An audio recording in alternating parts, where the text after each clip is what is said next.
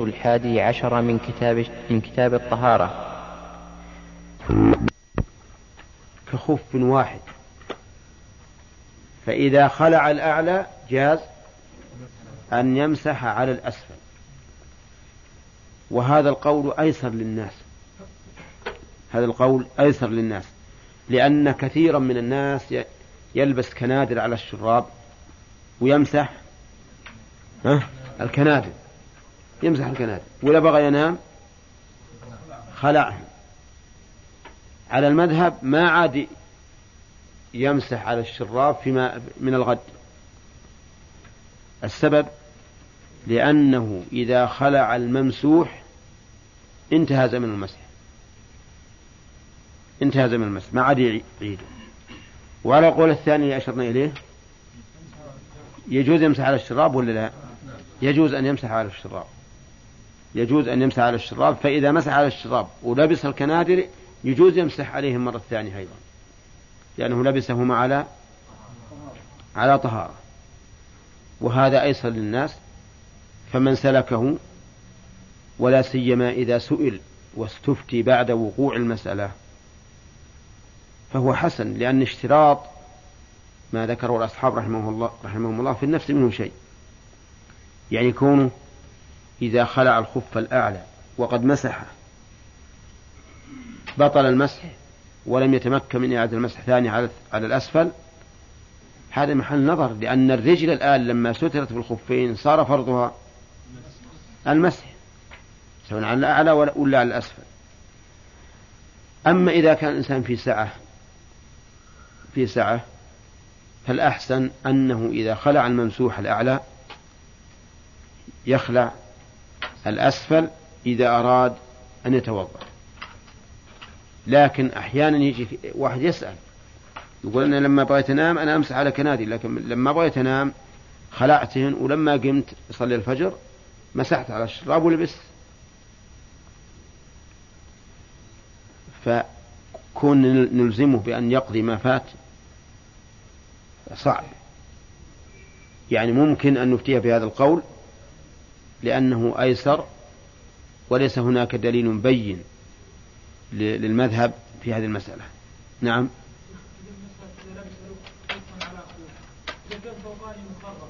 نعم. نعم. نعم. لا هم يرون أنه يصح حتى لو كان الأعلى مخرقا يجوز المسح عليه. هذا مما يدل على على مما يؤيد القول الثاني أن هذين الخفين بمنزلة ها خف واحد وأنهما كالظهارة مع البطانة. لا يا أخي لا ما هو كلاهما يستران أنت تعرف الزربول؟ تعرف الزربول؟ هو يستر كله؟ هنا الظهارة فيه بس على ظهر القدم. اسمها الزربول آه. هذا موجود عند حتى في اللغة في لغة الفقهاء الفقهاء يقولون الزربول الزربول غير الزنبور. نعم.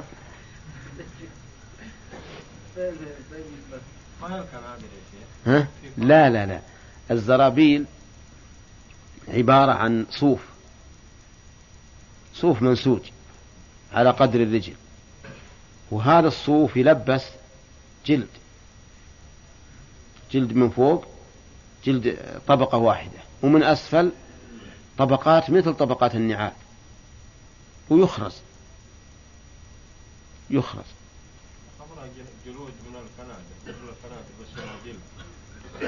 لا لا هذا شيء آخر. هذا يسمونه جرابات. يسمونه عندنا جرابات. جراب. أما الزربور فهذا ما وصفته لكم. ولهذا لو كان يعني عندنا ها؟ من الصوف ويحط عليه جلد من فوق ومن أسفل آه، جلد طبقات مثل طبقات النعال. نعم عادل؟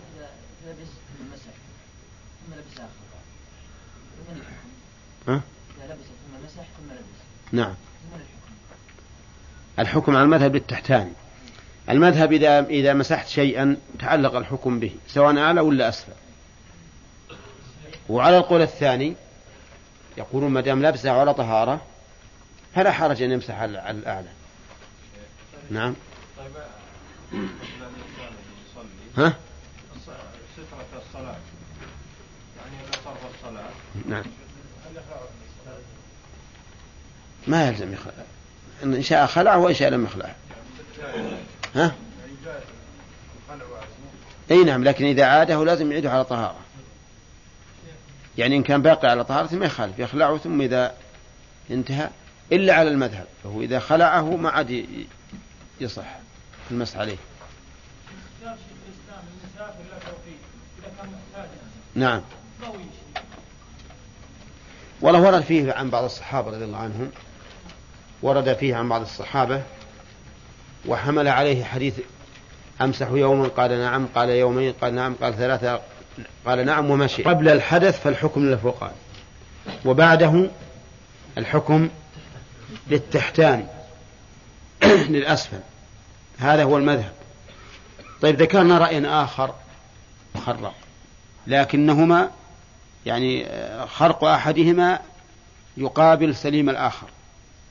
يعني قد ستر فالمذهب لا يجوز المسح عليهما أبدا لا على الأعلى ولا على الأسفل. لأن كل واحد منهما لا يصلح للمسح بانفراده فلا يصلح فلا يمسح عليهما عند الاجتماع. تمام يا جماعة؟ طيب. إذا كان الأعلى سليما والأسفل مخرقا جاز المسح على الأعلى فقط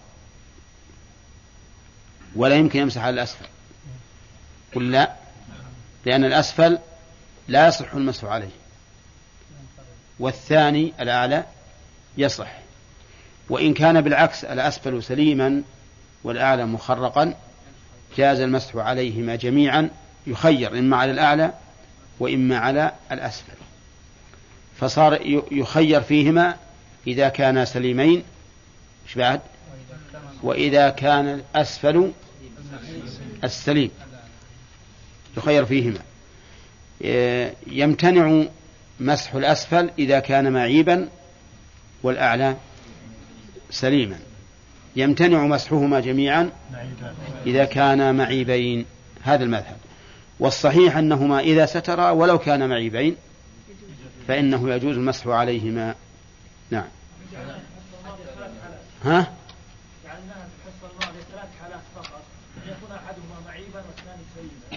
اي أحدهما. بس ما ما فصلنا اي نعم.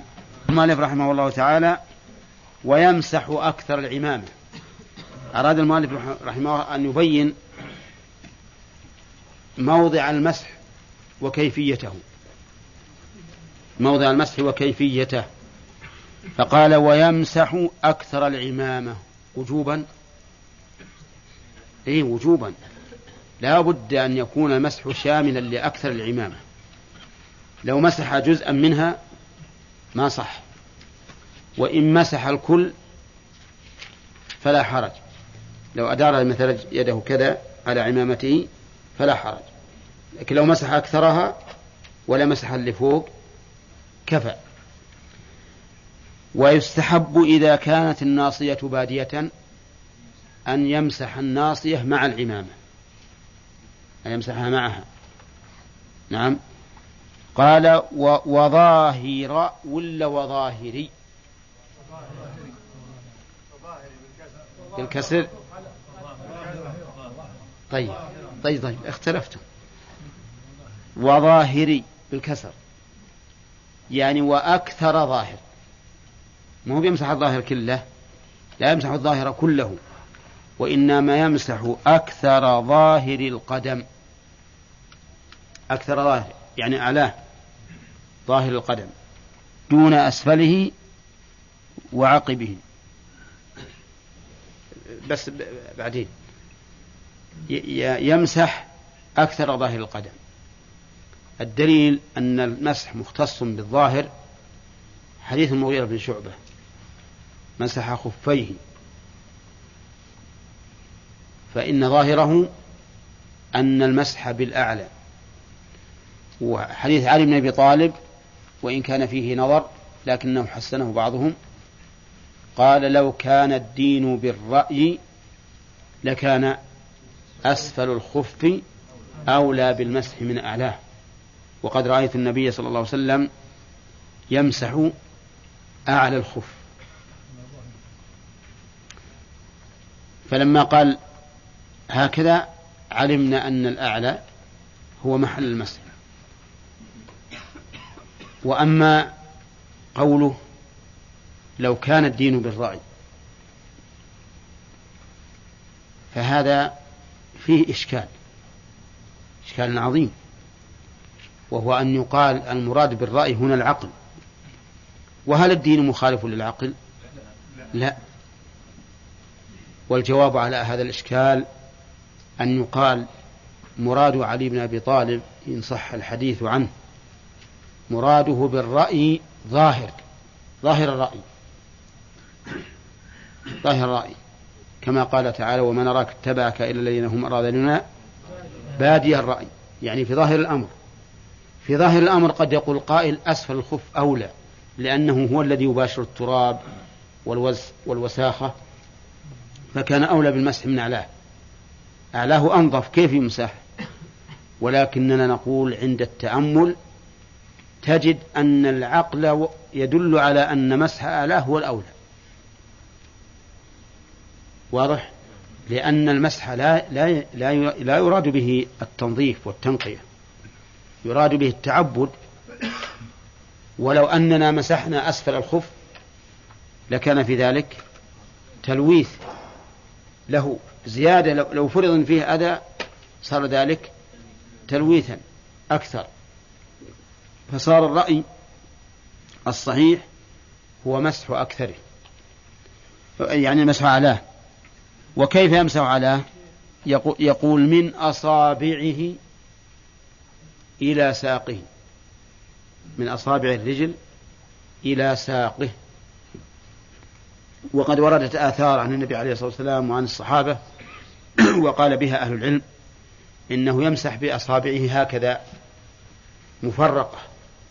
حتى يرى فوق ظهره خطوط الأصابع. خطوط الأصابع. يعني ما هو بتسدى بالراحة بالأصابع هكذا. من بالأصبع هكذا. من أصابع الرجل إلى ساقه. دون أسفله وعقبه فلا يمسح. لأن الأسفل والعقب ليس أعلى القدم. والمسح إنما ورد في الأعلى كما في حديث المغيرة في ظاهره وفيه روايات في حديث المغيرة تدل على ما دل عليه حديث علي بن أبي طالب. وقوله وقوله من أصابعه إلى ساقه. إذا فرضنا أن أن الخف أكبر من الرجل فهل الواجب أن يمسح ما يحاذي رؤوس الأصابع أو يمسح من من طرف الخف ها؟ أنتم فاهمين هذه؟ مو بعض الأحيان تكون الكندر كبيرة أكبر من القدم هل يمسح من من طرفها ولا نقول لا الواجب أن تمسح مما يحاذي رؤوس الأصابع. ها؟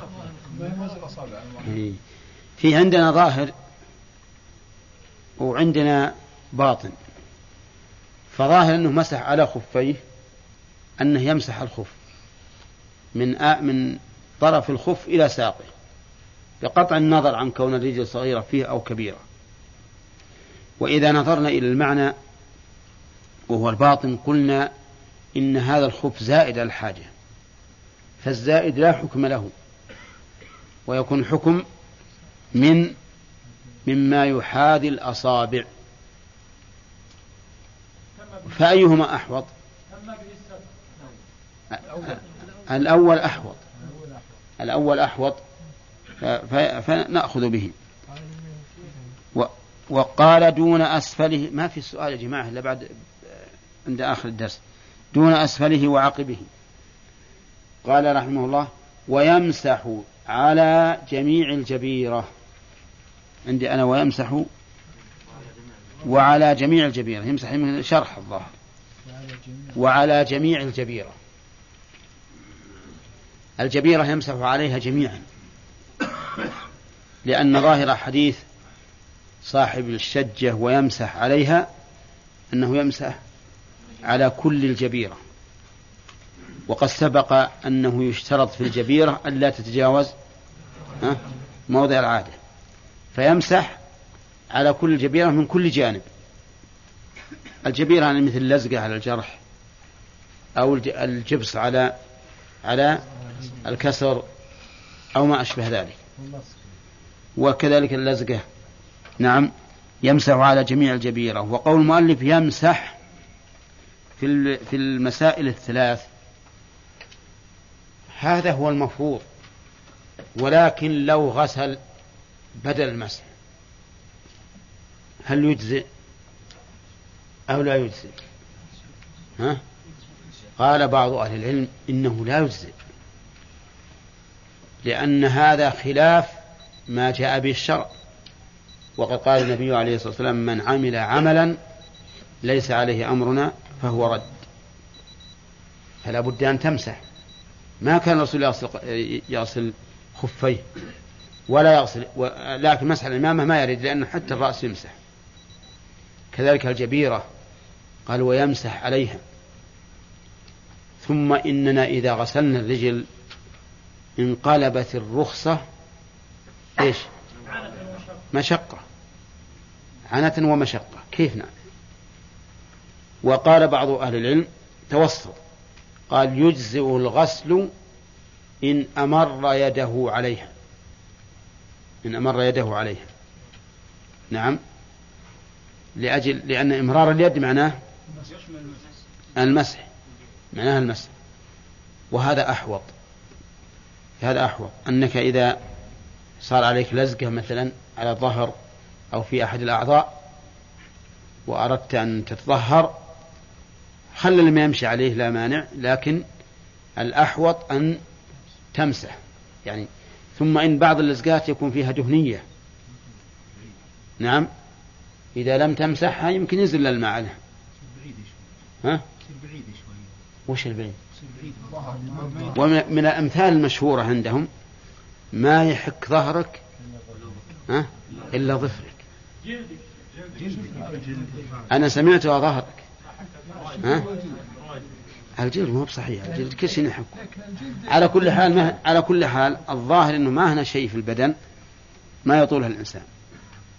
وأنتم إن شاء الله تعالى تجربون لكن في غير هذا الموضع نعم؟ طيب.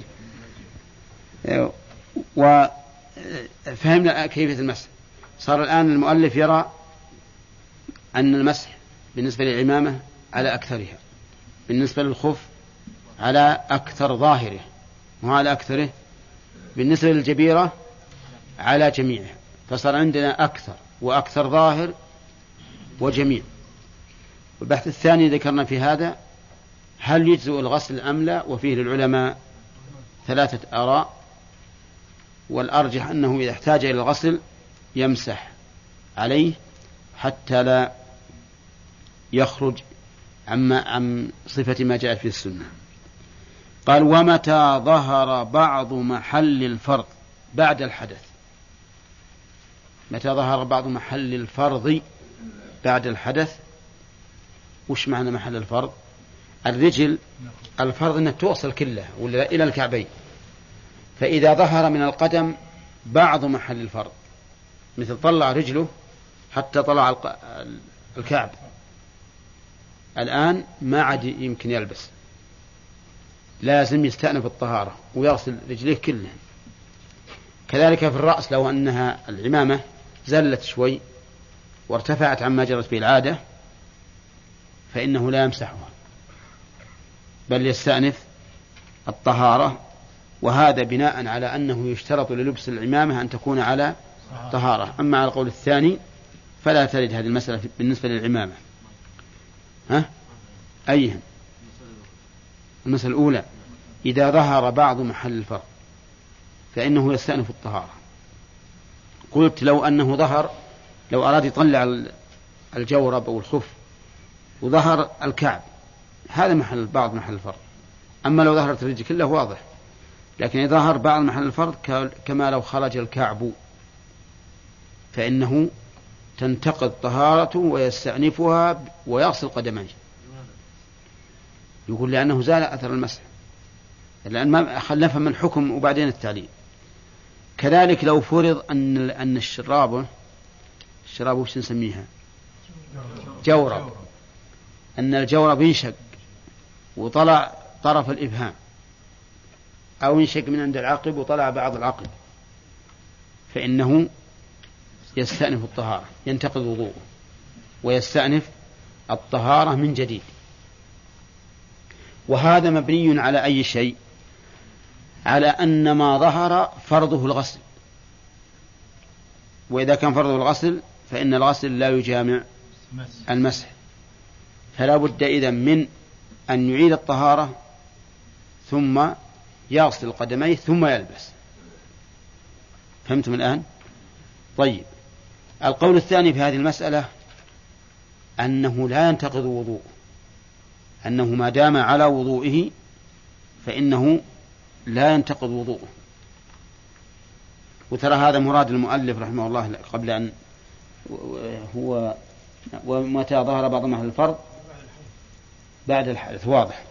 مراده بعد الحدث أما لو ظهر مع بعض محل الفرض أو كل الفرض قبل الحدث الأول فإنه لا يضر. لا يضر.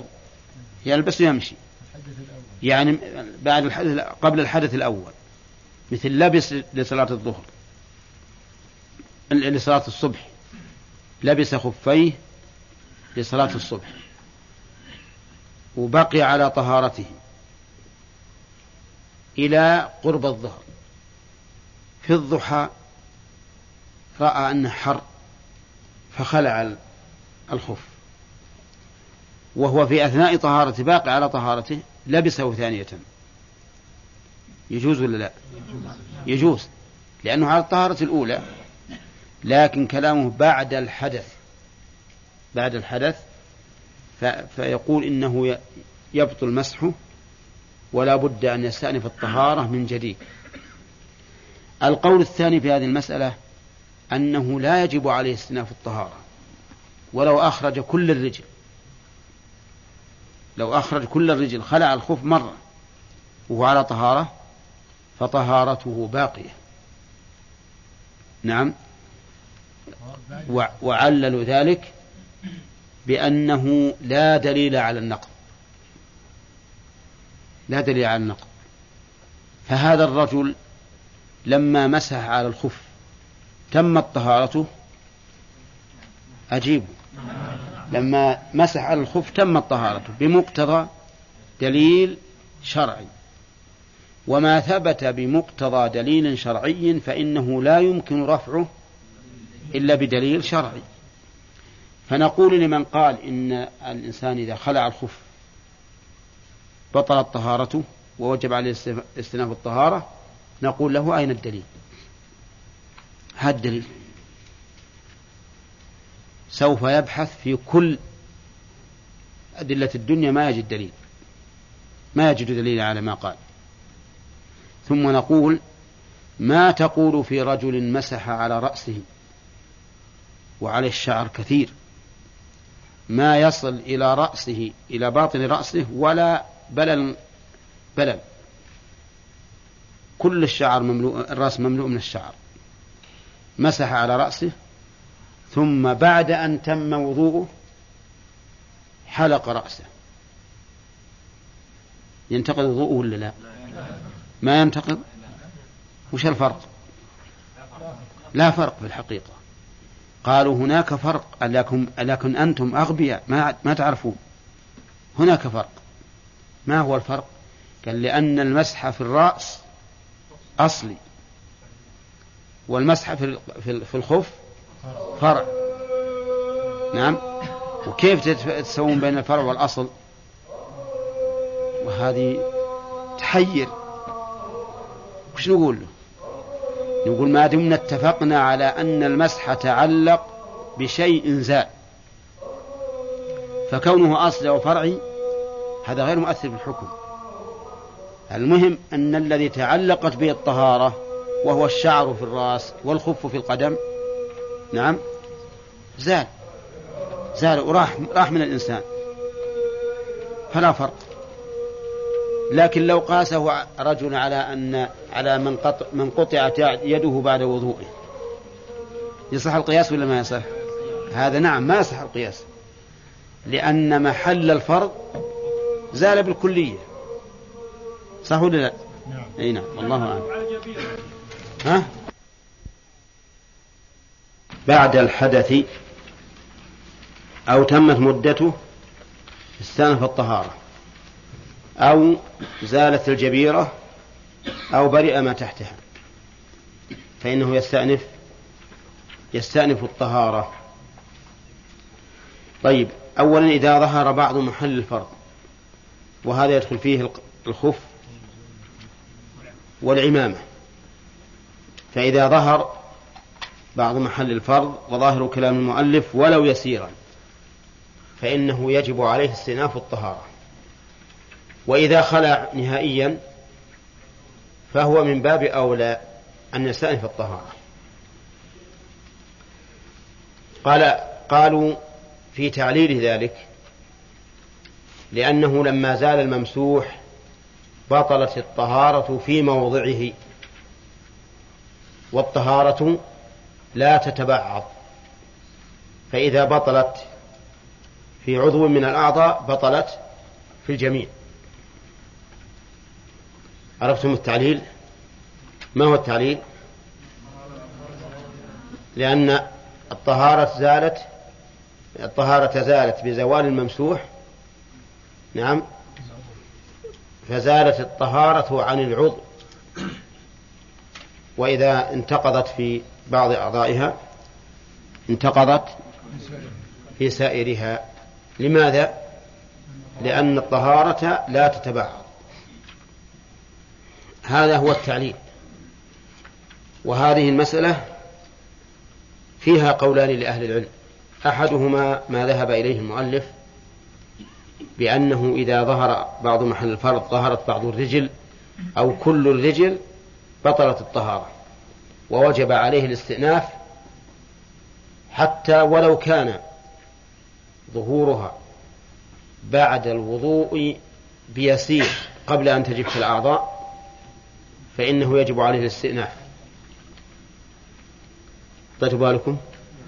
يعني مثلا توضأ ومسح الخفين ثم خلعهما في الحال وهو لم ييبس. فإن طهارته تبطل. لأن العلة وجدت وهي زوال الطهارة في الممسوح فتزول في جميع الأعضاء. وقال بعض العلماء إنه في هذه الصورة يجزئه أن يغسل قدميه. يجزئه أن يغسل قدميه. لأنه لما بطلت الطهارة في القدمين والأعضاء لم تنشف بعد فإن الموالاة لم تفت. وحينئذ يبني على الوضوء الأول فيغسل قدميه. فيغسل قدميه. القول الثالث في المسألة أنه إذا خلعهما وجب عليه أن يغسل قدميه وكفاه بناء على أن الموالاة ليست شرطا في الوضوء. فينبني غسل غسل الرجلين الآن على ما سبق من غسل الأعضاء. لكن كل هذه أو كل أو كلا القولين الأخيرين لا ينبي لا ينبنيان على المذهب لأن علة بطلان الطهارة في خلع الخف ليس من أجل الموالاة ولكن من أجل أن الطهارة ها لا تتبع. فإذا بطلت طهارة القدم بزوال الممسوح بطلت في الجميع. فالأقوال إذن كم؟ ثلاثة أقوال القول الرابع اختيار شيخ الإسلام ابن تيمية رحمه الله أن الطهارة لا تنتقل.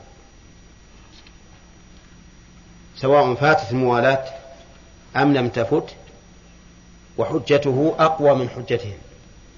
لأننا نقول إن هذه الطهارة ثبتت بمقتضى دليل شرعي فإن الرجل إذا توضأ ومسح على خفيه تمت طهارته أليس كذلك؟ بمقتضى الدليل الشرعي. وما ثبت بدليل شرعي فإنه لا يرفع إلا بدليل شرعي. وإلا فالأصل بقاء الطهارة.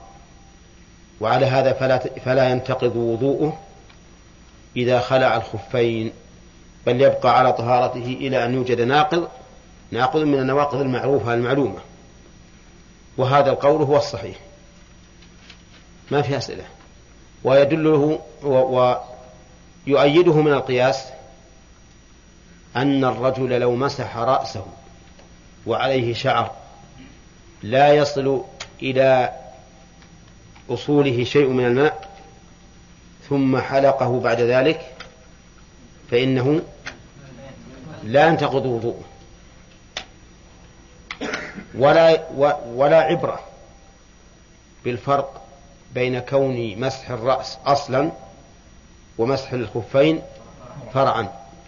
لأننا نقول كلا المسحين رافع للحدث فلا فرق بين الأصلي والفرعي. قال المؤلف رحمه الله أو تمت مدته استأنف الطهارة.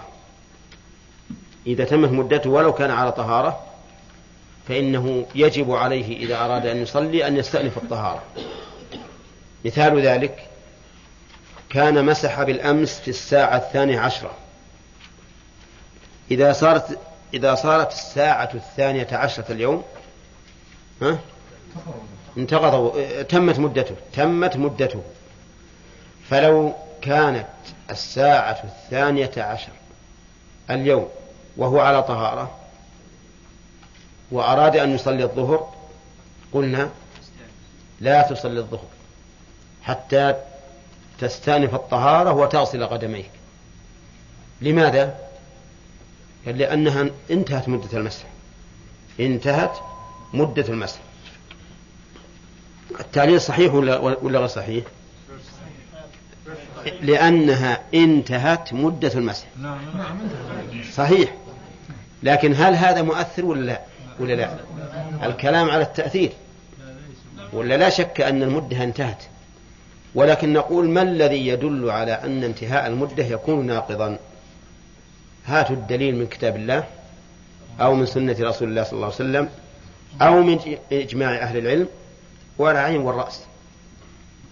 ونحن نقول إن الرسول صلى الله عليه وسلم وقت مدة المسح ليعرف بذلك انتهاء المسح لا انتهاء الطهارة. فليس المؤقت هو الطهارة حتى نقول إذا تم يوم وليلة انتقضت المؤقت ما هو؟ المسح. فنحن نقول إذا تمت المدة لا تمسح معروف. لكن قبل تمام المدة إذا مسحت وبقيت على طهارتك فإن طهارتك هذه قد تمت بمقتضى دليل شرعي وما تم بمقتضى دليل شرعي فإنه لا يرفع إلا بدليل شرعي ولا دليل على ذلك. والأصل بقاء الطهارة الأصل بقاء الطهارة وعدم النقض. فإن قال قائل أفلا توجبون عليه الوضوء احتياطا؟ نعم قلنا لا شك أن الاحتياط باب واسع. ولكن ما هو الاحتياط؟ هل هو بلزوم الأشد أو بلزوم الأيسر أو بلزوم ما اقتضته الشريعة؟ الأخير الأخير. فإذا شككنا هل اقتضته الشريعة أم لا فقد اختلف العلماء هل تسلك الأيسر أو الأشد. فقال بعض أهل العلم تسلك الأيسر لأن الأصل براءة الذمة ولأن الدين مبني على اليسر والسهولة. وقال بعض العلماء تستعمل آه، تسلك الأشد لأنه أحوط وأبعد عن الشبهة ولكن عندنا في مسألة النقد عندنا أصل. أصله لنا النبي صلى الله عليه وسلم. في الرجل يخيل إليه أنه يجد الشيء في الصلاة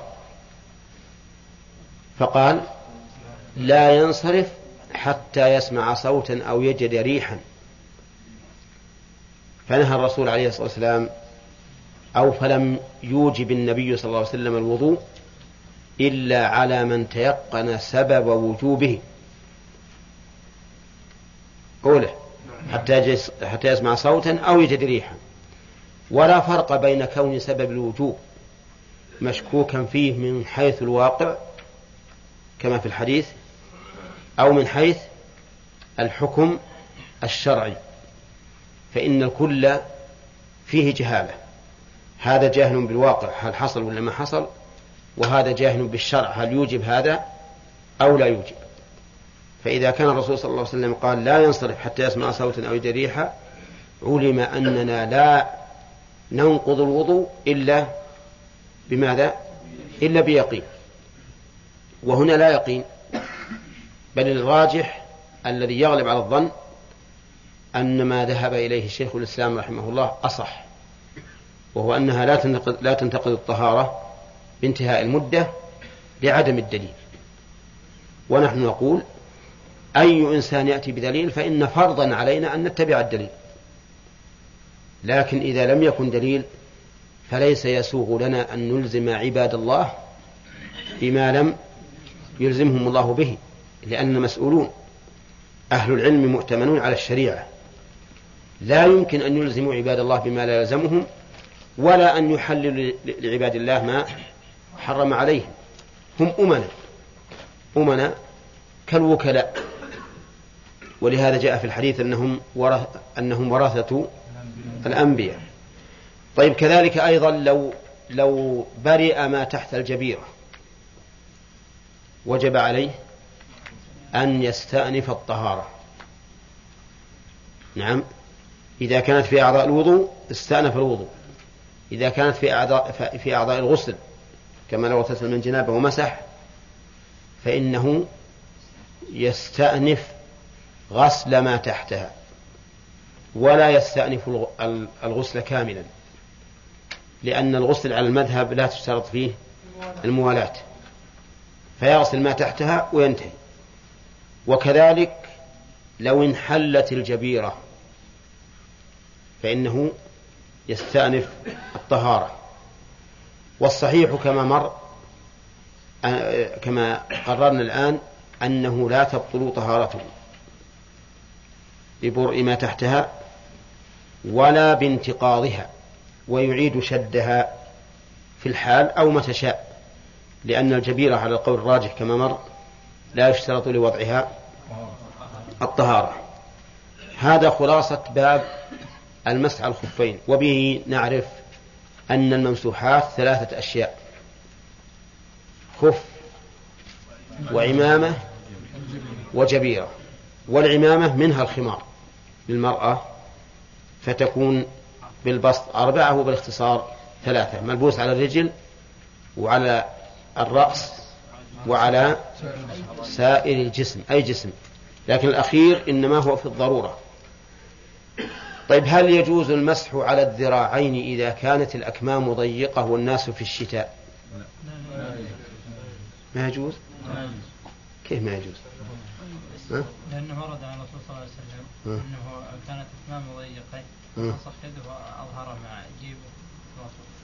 أظهر من الأسفل مهم مع الجيب. ها؟ طيب هذا دليل صحيح دليل إيجابي لكن لو فرض أن هذا لم يرد أن هذا الدليل لم يرد. ها؟ لم يجوز؟ نعم لأن الأصل في العبادة الحظر حتى يقوم دليل على المشروعية. فإذا قام دليل على المشروعية فعلى عين والرأس وإلا فلا. على أن قصة الجبة التي أشار إليها يرحمك الله واضح طيب هل يجوز المسح على المناكير لا ها؟ ما يجوز لأنها تشبه تشبه تشبه الأكمام طيب هل يجوز المسح على الهامة؟ ها؟ الهامة تعرفونها؟ أي الهامة حلي من الذهب يربط على الرأس يشد على الرأس يجوز؟ يجوز. وأصل ذلك شيئان. الشيء الأول أنه يمكن أن تلحق بالخمار لأن المشقة في نزعها أكثر من المشقة في نزع الخمار لأنها تربط تربط ببعض الشعر. يدخل الشعر في عرى فيها وشد عليها. هذه واحدة.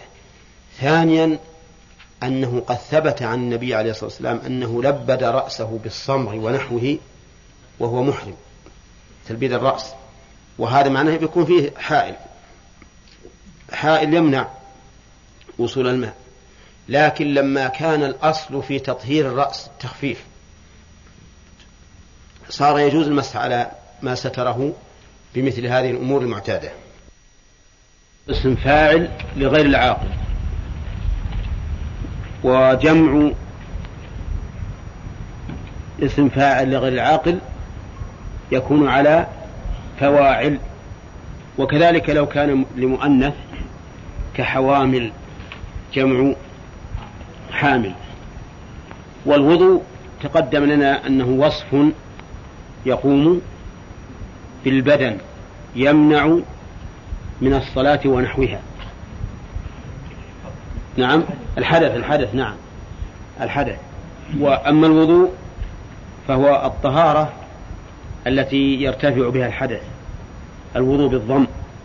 وأما الوضوء بالفتح فهو الماء الذي يتوضأ به.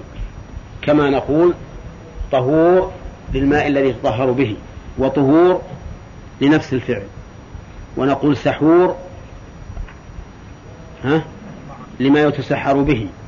وسحور بالضم لنفس الفعل الذي هو الأكل. نواقض الوضوء هي مفسداته. يعني هي التي إذا طرأت عليه أفسدته وهي نوعان. نوع مجمع عليه ونوع فيه خلاف. أما المجمع عليه فإنه مستند إلى كتاب الله وسنة رسوله صلى الله عليه وسلم ولا جدال فيه. وأما المختلف فيه فإنه مبني على اجتهادات لأهل العلم وعند النزاع يجب الرد إلى كتاب الله وسنة رسوله صلى الله عليه وسلم. ولننظر. قال المؤلف ينقض ما خرج من سبيل.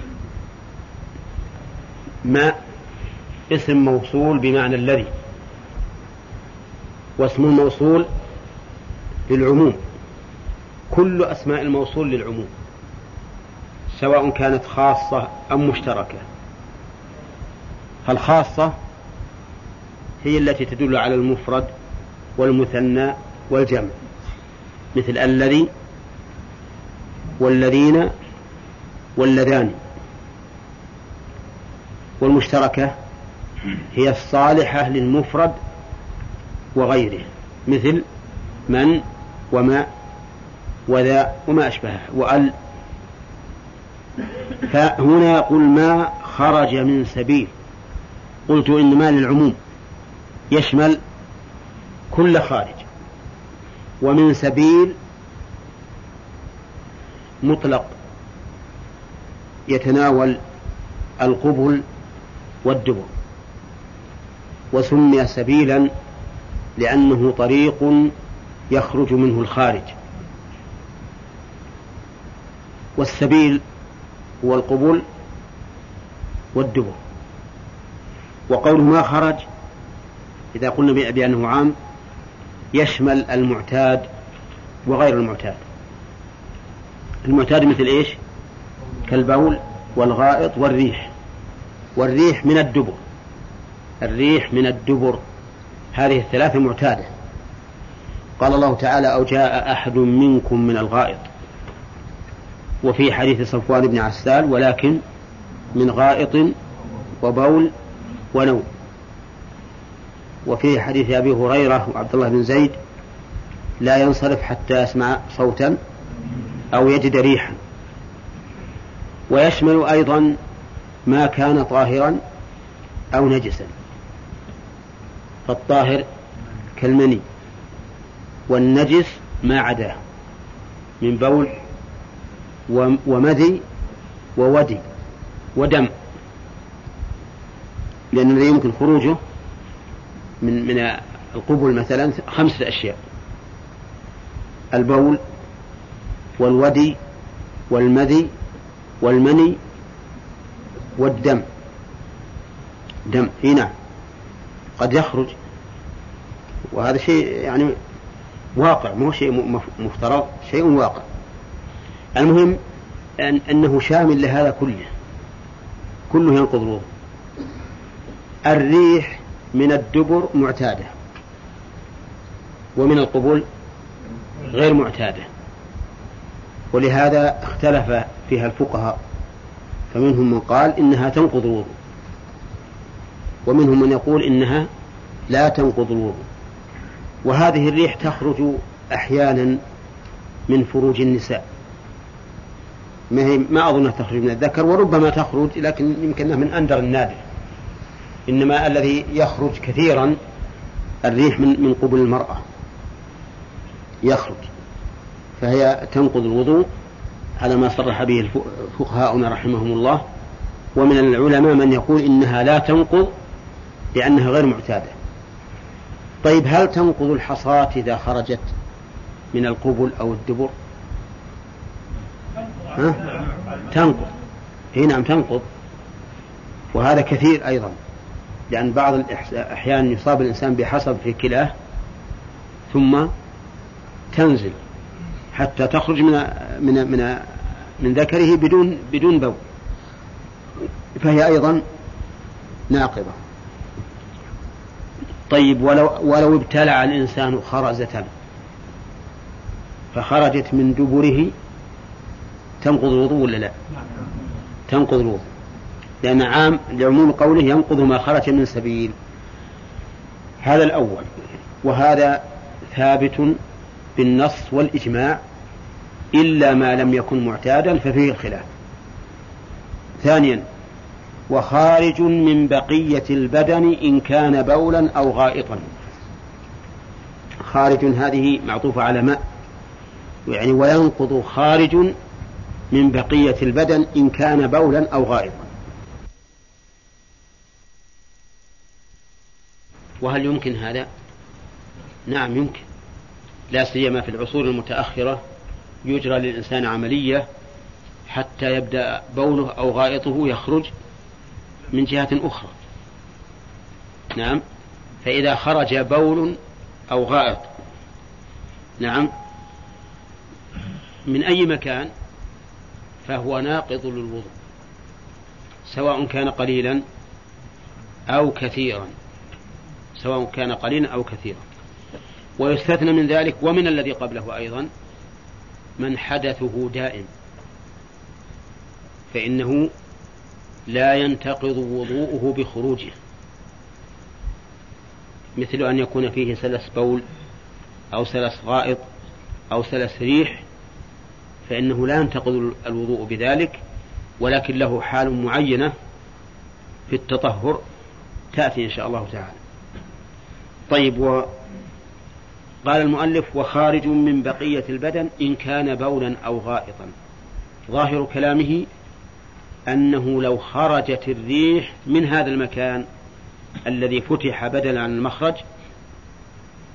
ها؟ ينقض ولا ما ينقض؟ نشوف طيب. نحن قلنا قبل قليل يخرج ينقض ما خرج من سبيل إنه يشمل الريح. طيب خارج من بقية البدن إن كان بولا أو غائط. لأنه قيده. لأنه قيده بقوله إن كان بولا أو غائطا. وعلى هذا فلو خرجت الريح من هذا المكان الذي فتح عوضا عن المخرج فإنها لا تنقض ولو كانت ذات رائحة كريهة. وهذا الذي مشى عليه المؤلف هو المذهب. والقول الثاني في المسألة أنه أنها تنقض الوضوء. الريح.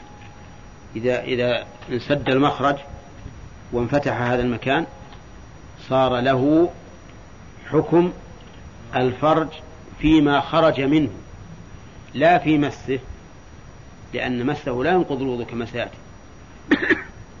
أفهمتم الآن؟ طيب قال المؤلف أو كثيرا نجسا غيرهما. يعني أو كان كثيرا نجسا غير البول والغائط. فقيد المؤلف غير البول والغائط بقيدين أن يكون كثيرا وأن يكون نجسا. لماذا لم, يبي... لم يقيد البول والغائط بالكثير النجس؟ أما النجس فلا حاجة للتقييد لأنه نجس البول والغائط. أليس كذلك؟ ولأن قليله وكثيره سواء كلاهما ينقض طيب. فقول المؤلف أو كثيرا. أولا يجب أن نعرف ما هو الكثير. أطلق المؤلف كثيرا. والقاعدة المعروفة أن ما أتى ولم يحدد بالشرع فمرجعه إلى العرف. وكل ما أتى ولم يحدد بالشرع كالحرز فبالعرف احددي كل شيء جاء مطلق جاء مطلقا ولم يقيده الشارع فارجع فيه إلى العرف. فنقول الكثير هنا بحسب العرف. العرف عرف من؟ عرف الناس. إذا قالوا هذا كثير صار صار كثيرا. وإن قالوا هذا يسير وبسيط صار بسيطا وقيل إن المعتبر عند كل أحد بحسبه. كل إنسان إذا رأى أن هذا كثير فإنه يكون كثيرا. وإن رأى أنه قليل فإنه يكون قليلا. لكن هذا القول فيه شيء من النظر. ما الذي فيه؟ أن من الناس من يكون عنده وسواس. النقطة الواحدة القليلة تكون عنده كثيرة. ومن الناس من عنده تهاون. نعم. لو لو يخرج منه لتر من الدم ها قال هذا يسير بسيط. لأن دم البعير إذا ذبحت أكثر منه. فلا فلا يرى شيئا شيئا قليلا أبدا. ولكن القول الصحيح الثاني إن المعتبر ها العرف وهو ما عده أوساط الناس. الذين ليسوا متطرفين لا من هنا ولا من هنا ما عدوه كثيرا فهو كثير وما عدوه قليلا فهو قليل. ثانيا قوله نجسا نجسا غيرهما. نجس احترازا من الطاهر. إذا خرج من بقية البدن شيء طاهر ولو كثر فإنه لا ينقض الوضوء. مثل إيش؟ ها؟ كالعرق وك... وكالدمع وكاللعاب نعم وكدمع العين إذا صار أبطى يبكي وعيونه كثيرا ما والعادة يمكن الغالب ما يصير كثير الدم لكن يمكن بعض الناس يكون عنده دو... عنده دموع كثيرة ويبطي يصيح ويحصل هذا. نعم المهم كثير. وأكثر ما يمكن التمثيل به وأوضحه هو العرق. لأن بعض الناس شاهدناهم يعرقون عرقا كثيرا جدا في أيام الصيف. يعني إذا قام من النوم كأنه سابح كأنه ما هو سابح أكثر من سابح. هذا لا ينتقل الوضوء. لماذا؟ ها؟ لأنه طاهر. والمؤلف قيده بقوله ناجسا. نجسا غيرهما. طيب. غيرهما أي غير البول والغائط. فدخل في هذا الدم والقي ودم الجروح وماء الجروح وكل ما يمكن أن يخرج وليس بطاهر ولكننا ولكن هذه المسألة فيها خلاف بين أهل العلم. فالمشهور من المذهب هو ما, ما سمعت أنه إذا كان كثيرا إما عرفا أو كل إنسان بحسب نفسه نقض الوضوء. وإن كان قليلا لم ينقض. ما هي الحجة في ذلك؟ الحجة في ذلك قالوا إن النبي صلى الله عليه وسلم قاء فتوضأ. قاء فتوضأ. وقد قال الله عز وجل لقد كان لكم في رسول الله أسوة حسنة فلما توضأ بعد قيئه فإن الأسوة الحسنة أن نفعل كما فعل الرسول صلى الله عليه وسلم. كما فعل. وقالوا أيضا لأنه فضلات خرجت من البدن فأشبهت البول والغائط لكن لم تأخذ حكمه من كل وجه باختلاف المخرج. فتعطى حكمه من وجه نعم. دون وجه. البول والغائط قليله كثيره ينقض الوضوء. لأنه خرج مع المخرج وغير البول والغائط ما ينقض إلا إذا كان كثيرا. قالوا فهو أشبه البول والغائط من وجه لكونه فضلة خرجت من البدن فأشبهته من بعض الوجوه فتعطى حكمه. وقال بعض أهل العلم وهو مذهب الشافعي والفقهاء السبعة فقهاء التابعين السبعة المشهورون. نعم مشهورون. وقد جمعوا في بيت أو في بيتين. أنشد أنشدتكم إياهما سابقا. ها؟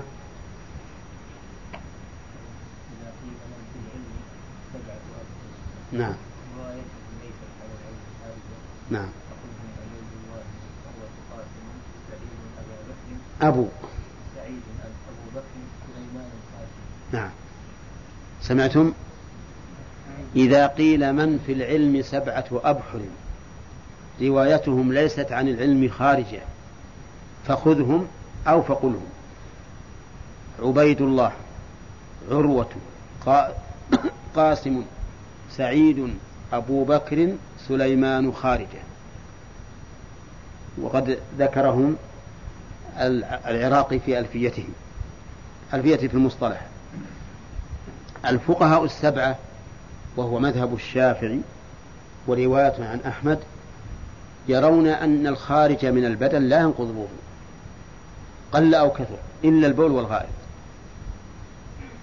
وحجتهم في ذلك أن الأصل عدم النقض. الأصل عدم النقض. صح؟ وإذا كان الأصل عدم النقض فمن ادعى خلاف الأصل فعليه الدليل. قالوا وقد ثبتت طهارته بمقتضى دليل شرعي. وما ثبت بمقتضى دليل شرعي لا يمكن رفعه إلا بدليل شرعي.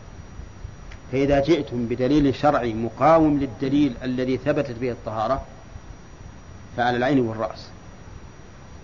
ونحن لا لا نخرج عما دل عليه كتاب الله وسنة رسوله صلى الله عليه وسلم لأننا متعبدون بشرع الله. متعبدون بشرع الله لا بأهوائنا. لا يسوغ لنا أن نلزم عباد الله بطهارة لم تجب ولا أن نرفع عنهم طهارة واجبة. أرونا الدليل وعلى العين والرأس. فإذا كان كانت الطهارة قد ثبتت بمقتضى دليل شرعي فلا يمكن أن ترتفع إلا بدليل شرعي. والدليل الذي استدللتم به قد ضعفه كثير من أهل العلم. قاء فتوضأ. ثم نقول إن هذا مجرد فعل ومجرد الفعل لا يدل على الوجوب لأنه خال من الأمر. فمجرد الفعل لا يدل على الوجوب. وعلى هذا فلا يجب. ثم إنه مقابل بحديث وإن كان أيضا مضعف أن النبي صلى الله عليه وسلم احتجم وصلى ولم يتوضأ. وهذا يدل على أنه ليس ليس للوجوب. وهذا القول هو القول الراجح. أنه لا ينقض الخارج من من بقية البدن وإن كثر سواء كان قيئا أو رعافا أو جرحا أو ماء جروح أو أي شيء آخر. فخذ الآن هذا الثاني من نواقض الوضوء صار فيه خلاف بين أهل العلم والراجح عدم النقض به. قال وزوال العقل زوال العقل زوال العقل على نوعين. زوال بالكلية وهو رفع العقل وذلك بالجنون نسأل الله العافية. والثاني تغطية العقل تغطية العقل بسبب يوجب أن يرتفع العقل لمدة معينة لسبب معلوم مثل النوم والإغماء والسكر وما أشبهها. هذا زوال عقل لكنه ليس ارتفاعا بالكلية. فزوال العقل ناقض للوضوء ولكن هل هو ناقض أو مظنة النقض؟ في خلاف. العجيب مذاهب العلماء في النوم كثيرة ثمانية مذاهب فيه هل ينقض ولا ما ينقض ولا يفصل فيه ولا ما يفصل؟ ولكن لننظر الإنسان إذا زال عقله بالكلية فإن زوال العقل هذا مظنة قوية نعم لأن يحدث ولا ولا يشعر. ولا يشعر. والعلة إذا كانت منتشرة لا يمكن ضبطها فإنه يثبت مقتضاها بأدنى شبهة أو بأدنى سبب. فحينئذ نقول ما دام العلة في كون النوم ناقضا أنه مظنة الحدث فليرتب عليه الحكم. بمجرد زوال العقل بنوم أو غيره. وقال بعض العلماء إن النوم ليس هو نفسه ليس هو نفسه ناقضا للوضوء. ليس النوم نفسه ناقضا للوضوء. لكنه مظنة. وعلى هذا فإذا ترجح عندك أنك لا, لا تزال على ظهرك فأنت طاهر وإلا فلا. زوال العقل بالجنون وبالإغماء وبالسكر هو في الحقيقة فقد نهائي. وعلى هذا فيسيرها وقليلها ناقض. يسيرها وقليلها ناقض. يسيرها وكثيرها ناقض. فلو صرع الرجل والعياذ بالله صرع ثم استيقظ من الصرع وجب عليه أن يتوضأ. وكذلك لو سكر وكذلك لو أغمي عليه سقط من شيء وأغمي عليه وجب عليه أن يتوضأ. بخلاف النوم فإنه ليس كهذا. ولهذا يفترق عن هذه الأشياء بأن يسيره لا ينقض. نوم سد المخرج وانفتح غيره. ها. لا. لا ما ما له حكم. لم يثبت له أحكام المعتاد إلا إذا خرج بول أو غائط لا بأس. هذا شيء واضح. لم لم يثبت له أحكام المعتاد. هذه ذكرناه فلو لمس لم ينتقض الوضوء. ولو خرج منه ريح لم ينتقض الوضوء. ولو أن أحدا جامعه لم يجب الغسل. المهم أنه إذا إذا سد المخرج وانفتح غيره لم تثبت لم يثبت له أحكام المعتاد فلا نقض بريح منه ولا بمسه. لكن البول والغائط لأنهما بول وغائط من أي مكان خرجا نقض الوضوء. وقال بعض العلماء إن كان هذا المخرج من فوق المعدة فهو كالقي وإن كان من تحتها فهو كالغائط وهذا اختيار ابن عقيل من أصحابنا. شوفوا الفقه في هذا القول هو جيد ولا لا؟ يقول إن فتحوا مثل فتحة الأطباء فتحوا فتحة بحيث يخرج الطعام من المعدة نفسها. فهذا ليس كالبول الغائط. وإن كان من أسفل يعني من الأمعاء فهو في حكم البول والغائط. وش رأيكم في هذا؟ جيد. ها؟ جيد في الواقع. هذا جيد وفقه واضح. بدليل أنه إذا تقيأ الإنسان من المعدة فإنه لا ينقض الوضوء على القول الراجح. أو ينقضه إن كان كثيرا على المشهور من المذهب.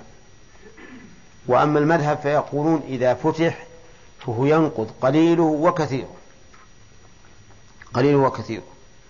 طيب. ناخذ الدرس الجديد أظن؟ نعم. لا في زوال العقل. زوال العقل عين وكاء السه. فإذا نامت العينان استطلق الوكاء. ففي أيضا إذا دليل وتعليل. هل يستثنى من ذلك شيء يا شيبة؟ من زوال العقل يستثنى منه شيء؟ المجنون. المجنون. بسم الله الرحمن الرحيم. زوال العقل ناقض للوضوء كما سمعتم. من الدليل والتعليل. وليس هو موضع اتفاق بين أهل العلم. بل هو موضع خلاف بين أهل العلم. ولكن القول الراجح أنه ناقض للوضوء لحديث صفوان بن عسال ولأن التعليل الذي أشرنا إليه تعليل قوي. لكن هل النوم ناقض أو مظنة النقض؟ اختلف فيه العلماء في ثمانية أقوال لأهل العلم. منهم من يرى أن النوم ناقض مطلقا. يسيره وقليله. وعلى أي صفة كان النائم يقول لأن هذا حدث النوم حدث وليس مظنة الحدث. والحدث لا يفرق بين قليله وكثيره كالبول. ومنهم من يقول إن النوم مظنة الحدث وأنه لا يعفى عن شيء منه إلا ما استبعد فيه الحدث. ومنهم من قال إن النوم مظنة الحدث ولا ينقض منه إلا ما كان مظنة الحدث مظنة الحدث. فالمذهب أن النوم ليس بحدث لكنه مظنة الحدث ولا يعفى عن شيء منه إلا ما كان بعيدا فيه الحدث. ولهذا قال إلا يسير نوم من قائم وقاعد. فاستثنى المؤلف رحمه الله اليسير واستثنى حالا معينة من أحوال النائم انتبه. خرج باليسير الكثير وخرج بقوله من قائم وقاعد ما عداهما ما عداهما. فإن النوم ينقض مطلقا في حقهم في حق من عدا هذين الاثنين أو ما عدا هاتين الحالين. طيب ما هو اليسير؟ اليسير يرجع في ذلك إلى العرف. فإذا قالوا هذا يسير فهو يسير. فتارة يكون يسيرا في زمنه يسيرا في زمنه لكن يغفى يعني يغفل غفلة كاملة. يمكن يحلم لكن يسير بحيث ما خرج منه شيء. أو لو خرج لشمة لأنه استيقظ على طول. وتارة يكون يسيرا في ذاته في ذاته ومهيته. بمعنى أنه لا يغفل كثيرا في نومه. يصير مثلا يسمع اللي يتكلمون نعم. ولو لو مثلا يكلمه أحد انتبه بأدنى سرعة ولو حصل منه حدث لا أحس به هذا اليسير. فالمهم أن اليسير إذا كان من قائم وقاعد إلا يسير على من قائم وقاعد فإنه لا يضر. ولكن الصحيح في هذه المسألة ما اختاره شيخ الإسلام ابن تيمية. وهو أن النوم مظنة الحدث. فإذا نام بحيث لو أحدث لم يحس بنفسه فقد انتقض انتقض وضوءه. وإذا نام بحيث لو انتقض وضوءه لأحس به فإن وضوءه باق ولا ينتقض. وبهذا القول تجتمع الأدلة فإن حديث صفوان بن عسال كما سمعتم فيه تصريح بأن النوم ناقض وقد ثبت من حديث أنس أن الصحابة رضي الله عنهم كانوا ينتظرون العشاء على عهد النبي عليه الصلاة والسلام حتى تخفق رؤوسهم ثم يصلون ولا يتوضؤون. تخفق يعني تنزل هكذا. نعم. في بعض الألفاظ يضطجعون في رواية لأبي داود. فيحمل ما ورد عن الصحابة على ما إذا كان الإنسان لو أحدث لأحس. ويحمل حديث صفوان على ما إذا كان الإنسان إذا أحدث لم يحس. ويؤيد هذا الجمع الحديث الضعيف الذي أشرنا إليه العين وكاء السهم. فإذا نامت العينان استطلق الوكاء. فإذا كان الإنسان لم يحكم وكاءه بحيث لو أحدث ما أحس بنفسه فإنه يكون يكون نومه ناقضا. وإلا فلا. طيب لو أن أحدا يصلي يصلي وهو ساجد غفى يعني أحس بنوم خفيف يسير هل ينتقض وضوءه ولا لا؟ المذهب ينتقض وضوءه لأنه ليس قائما ولا قاعدا. والقول الثاني لا ينتقض إلا إذا كان في حال لو أحدث لم يحس بنفسه فينتقض المؤلف رحمه الله يقول ظاهر كلامه من من قائم وقاعد الإطلاق ولكنهم استثنوا ما إذا كان محتبيا أو متكئا. فإنه في هذه الحال ينتقض وضوءه من, من نائم وقائم غير محتب ولا متكئ. لأنه إذا كان محتبيا أو متكئا فإنه غالبا يستغرق في نومه. وإذا استغرق فإنه قد يحدث ولا يحس بنفسه. ولكن ال... الذي رجحناه نسلم من هذه القيود كلها. ونقول متى كان الإنسان في نوم لو أحدث لم يحس بنفسه فهو ناقض وإلا فلا على أي حال كان. نعم. نعم. وهو تقام الصلاة ولا يشعر بعض الناس اي نعم وش تقول؟ ماذا تقولون؟ في هذا ها الظاهر إن نكلفه بنفسه مشكلة بيقول لجاره أنت هل أحسيت أني أحدثت؟ وربما أيضا ترى ترى الشم مثل غيره من من الحواس إذا ما حط الإنسان باله يمكن ما ما يحس. لكن يكون مستغرقا هذا إذا قيمت الصلاة ولم يشعر شيء. كثير من الناس تقام إيه؟ الصلاة ولا يشعر. ولو أحدث ربما شعر. والله الظاهر أنه يرجع للحدث نفسه. ما دام الإنسان يعرف من نفسه أنه لو أحدث لأحس لأن الصحيح أن النوم مو بنفسه حدث. يقول إذا نعم. إذا تكلم عن الجار وقال أحدث فإنه يطلب. وإذا ما قال شيء يؤخذ على الأصل ما حدث. شيء يعني لو لو لو أحد قال له إيه. يعني إيه. ممكن رايح من غيره وإنسان من الرجل الثاني. نعم. يعني هو الأحسن نعتبره بنفسه. يقول ومس ذكر متصل أو قبل بظهر كفه أو بطنه إلى آخره. أولا قال المؤلف مس مس ذكر والمس لا بد أن يكون بدون حائل لأنه مع الحائل لا لا يعد مسا. وهذا أظن هو الناقل الثالث الرابع نعم. اشترط أيضا أن يكون متصلا احترازا من المنفصل. يعني لو قطع لو قطع ذكر إنسان مثلا وأخذه شخص ليدفنه مثلا سواء قطع بجناية أو قطع بعلاج أو ما أشبه ذلك. المهم أن الذكر غير متصل فإن نقضه فإن مسه لا ينقض الوضوء ولا بد أن يكون أصليا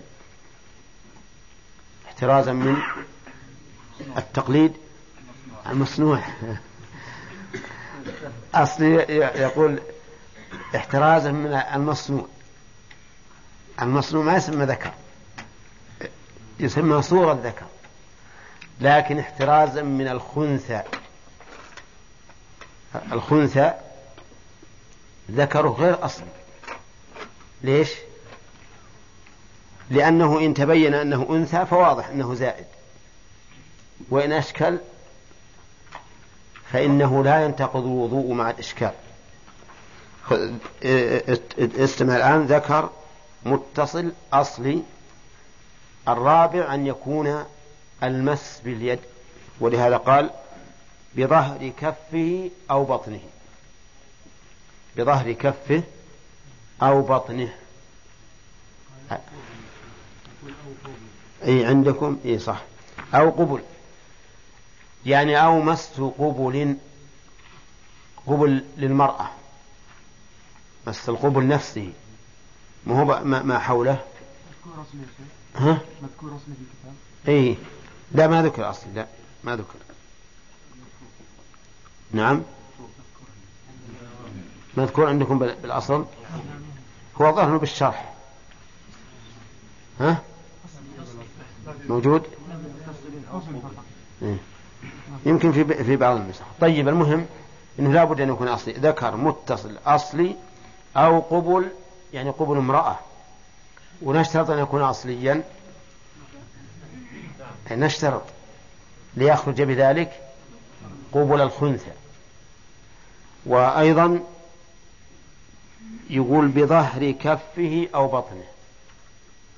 يكون لابد أن يكون المس بالكف سواء بظهره أو كفه أو حرفه أيضا. كذا؟ بظهره هذا. اللي آه وش نقول؟ ظهر الكهف واضح. أو بطنه الراحة وبطون الأصابع أو حرفه أطرافه. فإن النقض بهذه الأشياء فإن المس بهذه الأشياء ينقض الوضوء. وإنما نص المؤلف على ظهر الكف لأن بعض أهل العلم يقول إن المس بظهر الكف لا ينقض الوضوء. لأن المس عادة والإمساك إنما يكون بباطن الكف. ولكننا نقول نعم سنناقشه يقول المؤلف أو بطنه ولم ولمسهما من خنثى مشكل. لمسهما الضمير يعود على الذكر والقبل. من خنثى مشكل. الخنثى هو الذي لا يعلم أذكر هو أم أنثى مع أن فيه آلتي الذكر والأنثى. يعني له ذكر وله فرج ولكنه مشكل. أمره مشكل. كيف مشكل؟ ما ندري. يبول منهما جميعا وهو إلى الآن لم يتبين هل هو ذكر أو أنثى لا بلحية ولا بغيرها. فهذا يسمى خنثى مشكل. لأننا لأنه مشكل علينا رجل هو أم أم أنثى. لكن الخنثى مشكل. لا بد من مسهما جميعا.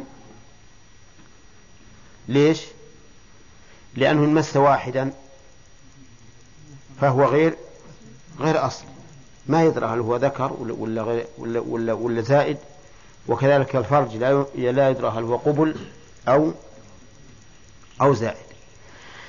طيب الآن انتبه للشروط. كم صارت الشروط؟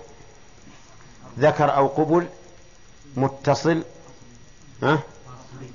أصلي بظاهر الكف أو بطنه أو حرفه.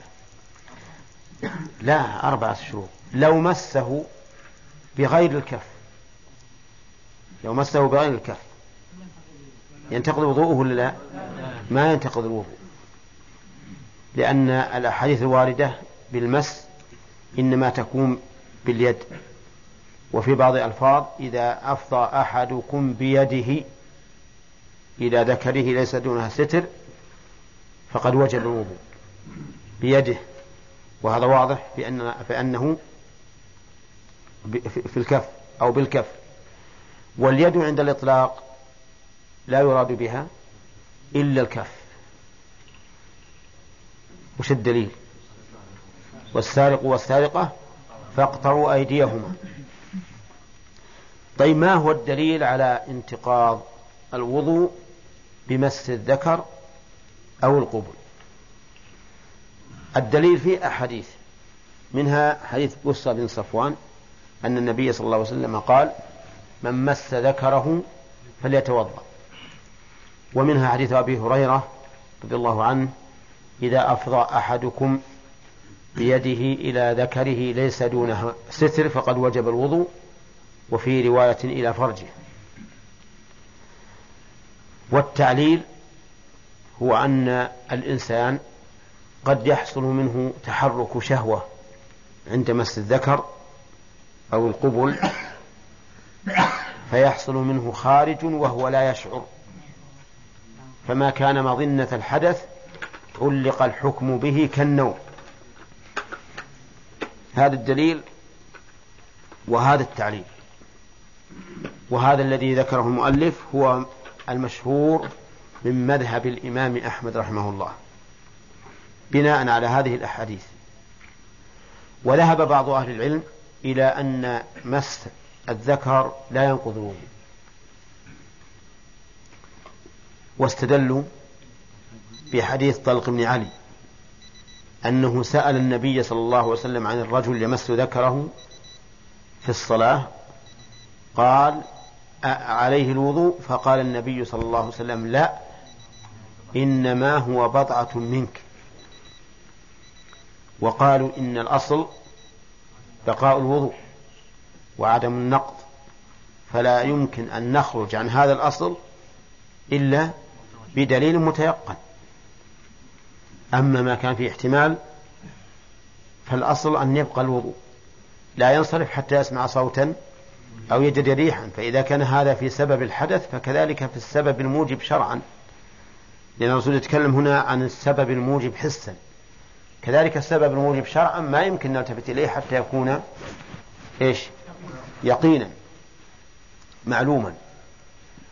ولهذا من العلماء من رجح حديث طلق بن علي وقال إن مس الذكر أو مس الفرج مطلقا لا ينقض الوضوء سواء كان لشهوة أو لغير شهوة. وأعلوا هذا الحديث حديث بسرة بأنه ضعيف وأن حديث طلق بن علي أحسن منه. ومن العلماء من قال إنه لا ينبغي أن نرجح بين الحديثين. لأنه يمكن الجمع. وإذا أمكن الجمع بين الدليلين وجب المصير إليه قبل الترجيح والنسخ. وهذا صحيح ولا لا؟ لأننا إذا جمعنا بين الدليلين فقد عملنا بهما جميعا. لكن إذا رجحنا فقد ألغينا أحدهما والعمل بهما مع إمكانه أوجب. طيب كيف نجمع؟ قالوا نجمع إما بأن نحمل حديث بسرة وما شابهه على ما إذا كان لشهوة وحديث طلق بن علي على ما إذا كان لغير شهوة. قالوا والتعليل إنما هو بضعة منك يدل على هذا الحمل. فإنك إذا مسست ذكرك كما تمس سائر أعضائك بدون أي تحرك. صار كأن ما مسست ساقك أو رجلك أو رأسك أو ما أشبه ذلك. وحينئذ نعم فلا ينتقض فلا فلا ينتقض وضوءك. أما إذا مسسته لشهوة فإنه ينتقض لأن العلة وهي احتمال خروج شيء ناقض من غير شعور منك موجودة. فيقول إذا مسه لشهوة وجب الوضوء وإذا مسه لغير شهوة لم يجب. قالوا وهم يحاجون الحنابلة ولنا عليكم أصل. وهو أنكم قلتم إن مس المرأة لغير شهوة لا ينقض ومسها لشهوة ينقض لأنه مظنة الحدث. أو يجمع بينهما بوجه آخر فيقال إن حديث بسرة الأمر فيه للاستحباب. وحديث طلق الأمر فيه للوجوب. هو سأل عن واجب قال أعليه الوضوء؟ كلمة على ظاهرة في الوجوب. فبين الرسول صلى الله عليه وسلم أنه لا وضوء عليه وعلل بأنه بضعة وعلى هذا فإذا كان مسه إياه لغير شهوة فإن الوضوء مستحب أخذا بعموم حديث من؟ بسرة. وإذا كان لشهوة فإنه يجب الوضوء لقوله إنما هو أخذا بالتعليل. إنما هو بضعة منك. والمسألة فيها احتمال هذه. يعني احتمال أن يكون هذا القول هو, هو الصواب قوي. وشيخ الإسلام رحمه الله يرى أن الوضوء من مس الذكر مستحب مطلقا. ولو بشهوة. نعم. ولو بشهوة وإذا قلنا أنه مستحب فمعناه أنه مشروع وفيه أجر وفيه أيضا احتياط. وأما دعوى من ادعى أن حديث طلق بن علي منسوخ نكمل البحث بعدين ولا إيش؟ عندك مسألة عنده الآن؟ طيب. طيب ظهر الكف. نعم.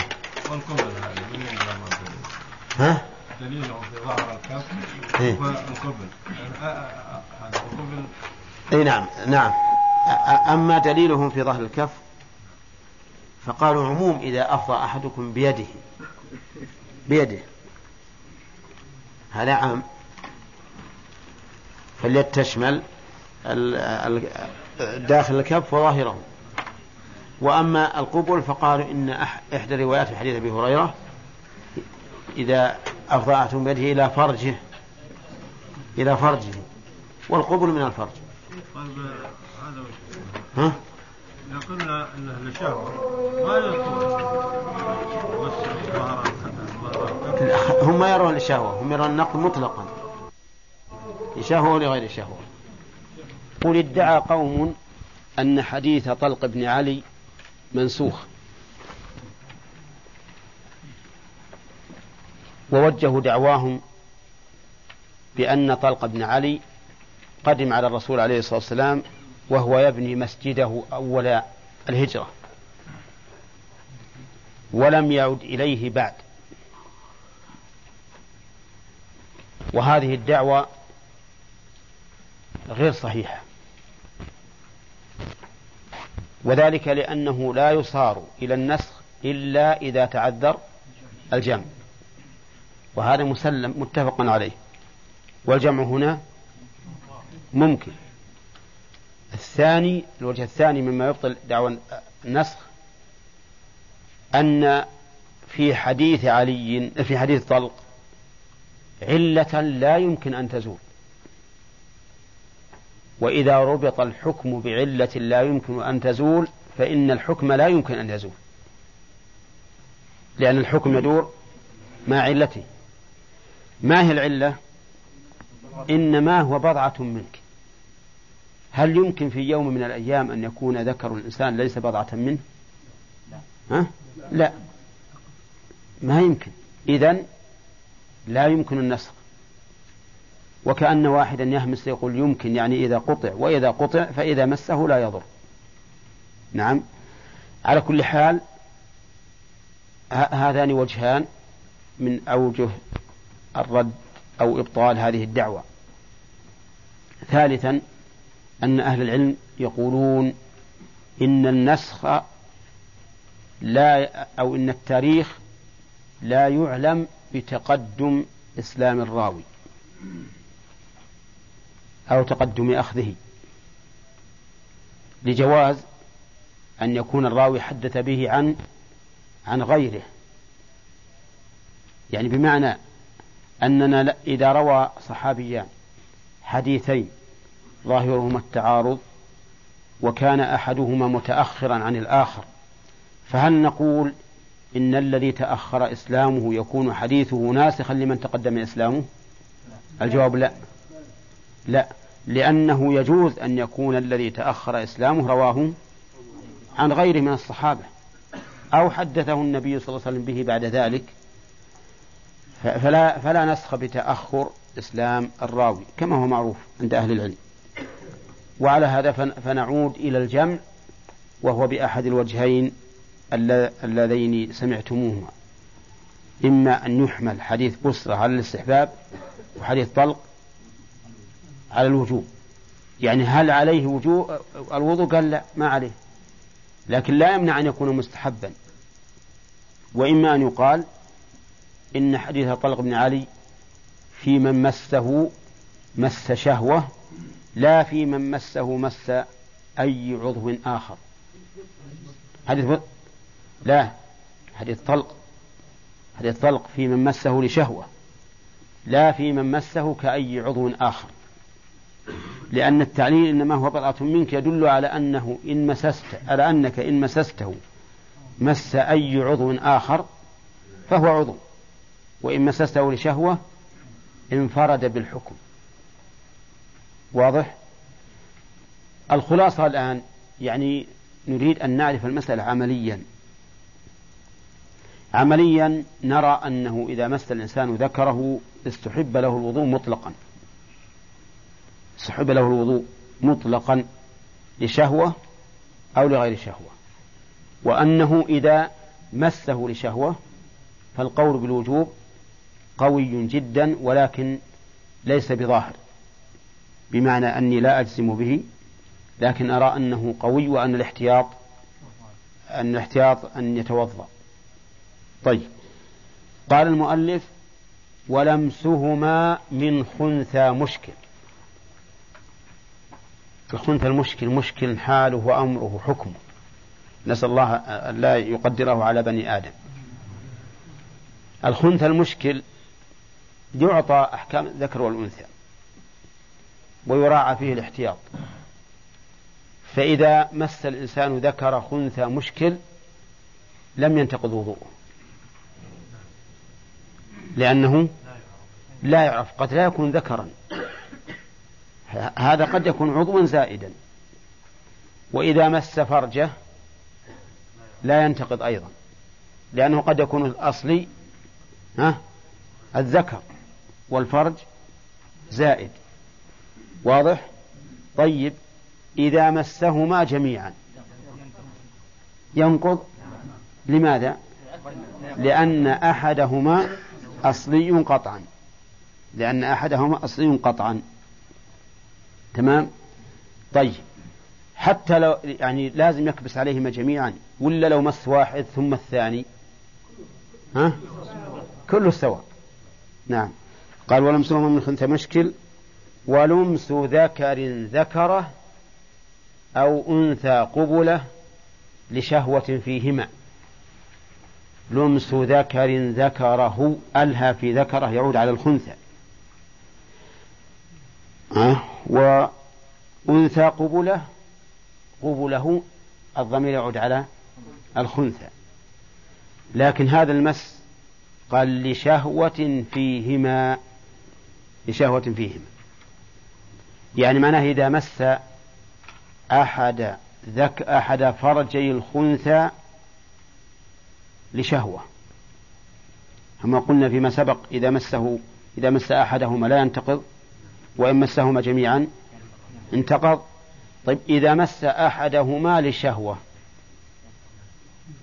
إن كان الذكر مس الذكر انتقض وإن مس الفرج لم ينتقض. الأنثى إن كانت مست الفرج انتقض وضوءها وإن مست ذكره لشهوة لم ينتقض ها؟